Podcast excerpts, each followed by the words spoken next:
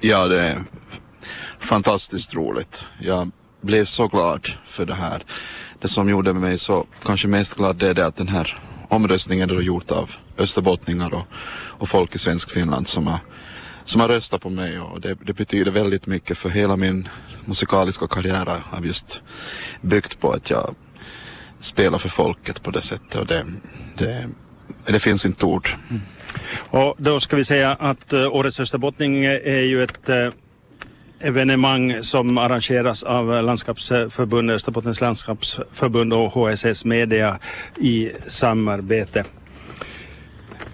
44 procent ungefär av de 2900 avlagda rösterna så föll på, på dig och så var det John Åvis, Åsvik och eh, Berit eh, Hånga då som där, två och tre där och då någonting över 70 mm. procent där då, då sammanlagt. Men 44 procent det, det tyder ju på en stabil popularitet, en sån siffra då. Ja, det är fantastiskt. Det är jätteroligt. Jätteroligt att äh, jag har gjort väldigt många olika projekt sedan jag började på heltid att bli mu fri musiker och på det sättet så jag har ju på det sättet, eh, vad ska vi säga, gått från, spela allt från pianokonserter till ackompanjatörsjobb och, och skrivit på senare tid mer och mer egen musik och, och just nu så är jag ju aktuell med min första soloskiva med pianomusik som kommer till hösten och en turné med det. Och så har jag skrivit musik till Helens nya skiva som kommer här i, innan midsommar. Och, så det, jag gör väldigt mycket olika. Och Topelius i Nykarleby har jag tonsatt elva nya kompositioner till som ska ha premiär här första juli. Och så det, jag står på väldigt många olika ben och, och det tror jag är en av orsakerna till att jag har fått mycket röster. Att jag är som inte låst vid någonting utan jag gör, gör. Och det är också en nödvändighet om man ska livnära sig på det här som jag gör. Ja, Svensk-Finland är ju inte speciellt uh, stort att leva uh, i det sammanhanget som uh, proffsmusiker på heltid och inte har något lärarjobb eller ja. no, inom musiken kanske eller något annat på sidan Nej. om så är väl inte så lätt. Hur, hur går det här ihop då? Ja, jag jobbar hårt. Jag jobbar sju dagar i veckan, stiger upp sju på morgonen och jobbar till elva på kvällarna för det mesta och, och, och väldigt målinriktat så har jag gjort hela mitt liv och på det sättet. Och så, så samarbetar jag ganska mycket i Sverige med olika, olika artister och förlag och, och, och kom in på olika olika vägar på något sätt som har gjort att jag har kommit fram. Att, att det är just den här mångsidigheten och, och, och, det är ju ingenting att sticka under stolen med. Att nu är det ju vissa perioder som det är väldigt jobbigt att klara sig. Att man får, får verkligen jobba hårt. Och, men det viktigaste är ju att man har en, eh, bra familj som stöttar en till 100 procent och det har jag för jag har Helen som är inom samma bransch som mig och hon vet vad det här går ut på. Och, eh, hon står bakom mig i allt och oavsett om jag turnerar i Sverige med Olle Jönsson eller om jag spelar med någon här i Finland så alltid. Så gör vi ju mycket spelningar hon och jag och tillsammans. I sommar har vi ett eh, tiotal konserter som vi gör. Men det går, det är det, det går inte att överexponera sig för mycket här i svensk. Man, folk blir trötta på en till sist så det är hela tiden den här balansgången. Att... En knivsegg där. Ja. ja, du är ju 36 år gammal är du nu och man kan säga det är i stort sett eh, 30 år som du har stått på, på scenen och, och när eh, vi tillsammans med kollegan Patrik Enlund tiderna på tidigt 90-tal startade mm. eh, önskelista och listor över vad folk eh, gillar och man fick rösta fram låtar så där fanns ju Thomas Enroth på, på tidigt 90-tal redan. Ja, jag, jag började ju då jag var 5-6 år och um, det var ju tack vare mina föräldrar då som stötta mig till 100 procent med det här som jag kunde börja göra. Nu dessvärre så i lördags så, så hade vi begravning av min pappa och jag vet att han skulle ha varit väldigt stolt idag då jag tog emot den här. Men på något sätt så känner jag att han finns, finns med mig för han har varit min största musikaliska och eh, privata sponsor kan man väl säga som har alltid stått bakom mig då det har gällt olika saker jag ska göra. Så det så det, det känns eh, hedersfullt det här och så känns det också förstås lite vemodigt att inte fick uppleva den här dagen. Men på något sätt så tror jag den är med oss ändå.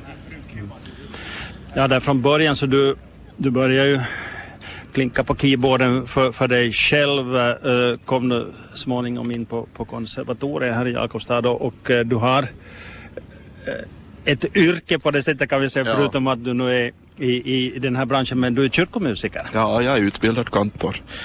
Och det kändes, det fanns ju, på den tiden så fanns ju pop och jazz eller klassiskt då som man skulle välja. Och på något sätt så kände jag att jag jobbar så väldigt mycket med, med pop och, och jazz och dansband och slager på det sättet. Så jag tänkte jag ska slänga mig in en, en musik som inte jag är så in, insatt i på det sättet. Och det var väldigt nyttigt. Jag fick, hade tre väldigt fina år där.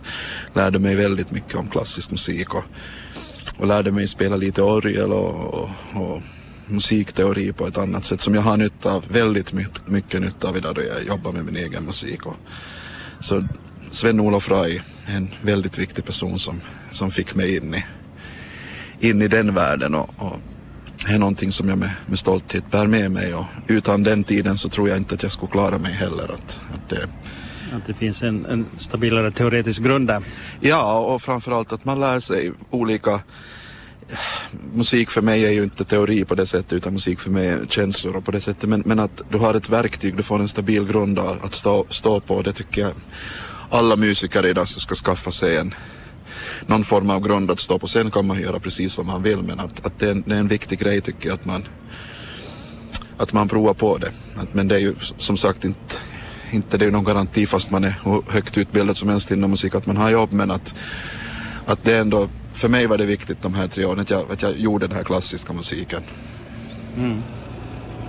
Nå, om man nu lite blickar utåt. Eh, musik, finsk musik, finländsk musik, s- musik, svensk, Finland. Att nå ut över landets gränser och eh, den vägen nå en större publik. Du sa ju att det, här, det blir ju kanske lätt så att, eh, att man blir eh, ska jag säga, marknaden blir mättad om man uttrycker Ja, det så ganska det är så. hastigt liksom inom de här gränserna. Men, men eh, vad krävs för att eh, man ska kunna spränga gränserna då Det är ju, lite jag, grann? Vilka, eh, ska vi säga, drag krävs hos en artist och musiker? Nå, det första är ju det att, att du måste ju förstås kunna din sak så pass bra att, att, att du, du ger ett förtroende för artisten och de du jobbar med att det fungerar. Och det som är lika viktigt så är det ju det att man går att samarbeta med. Att det, det spelar ingen roll hur duktig musiker du är om inte du kan samarbeta med folk så då, då har du inget jobb.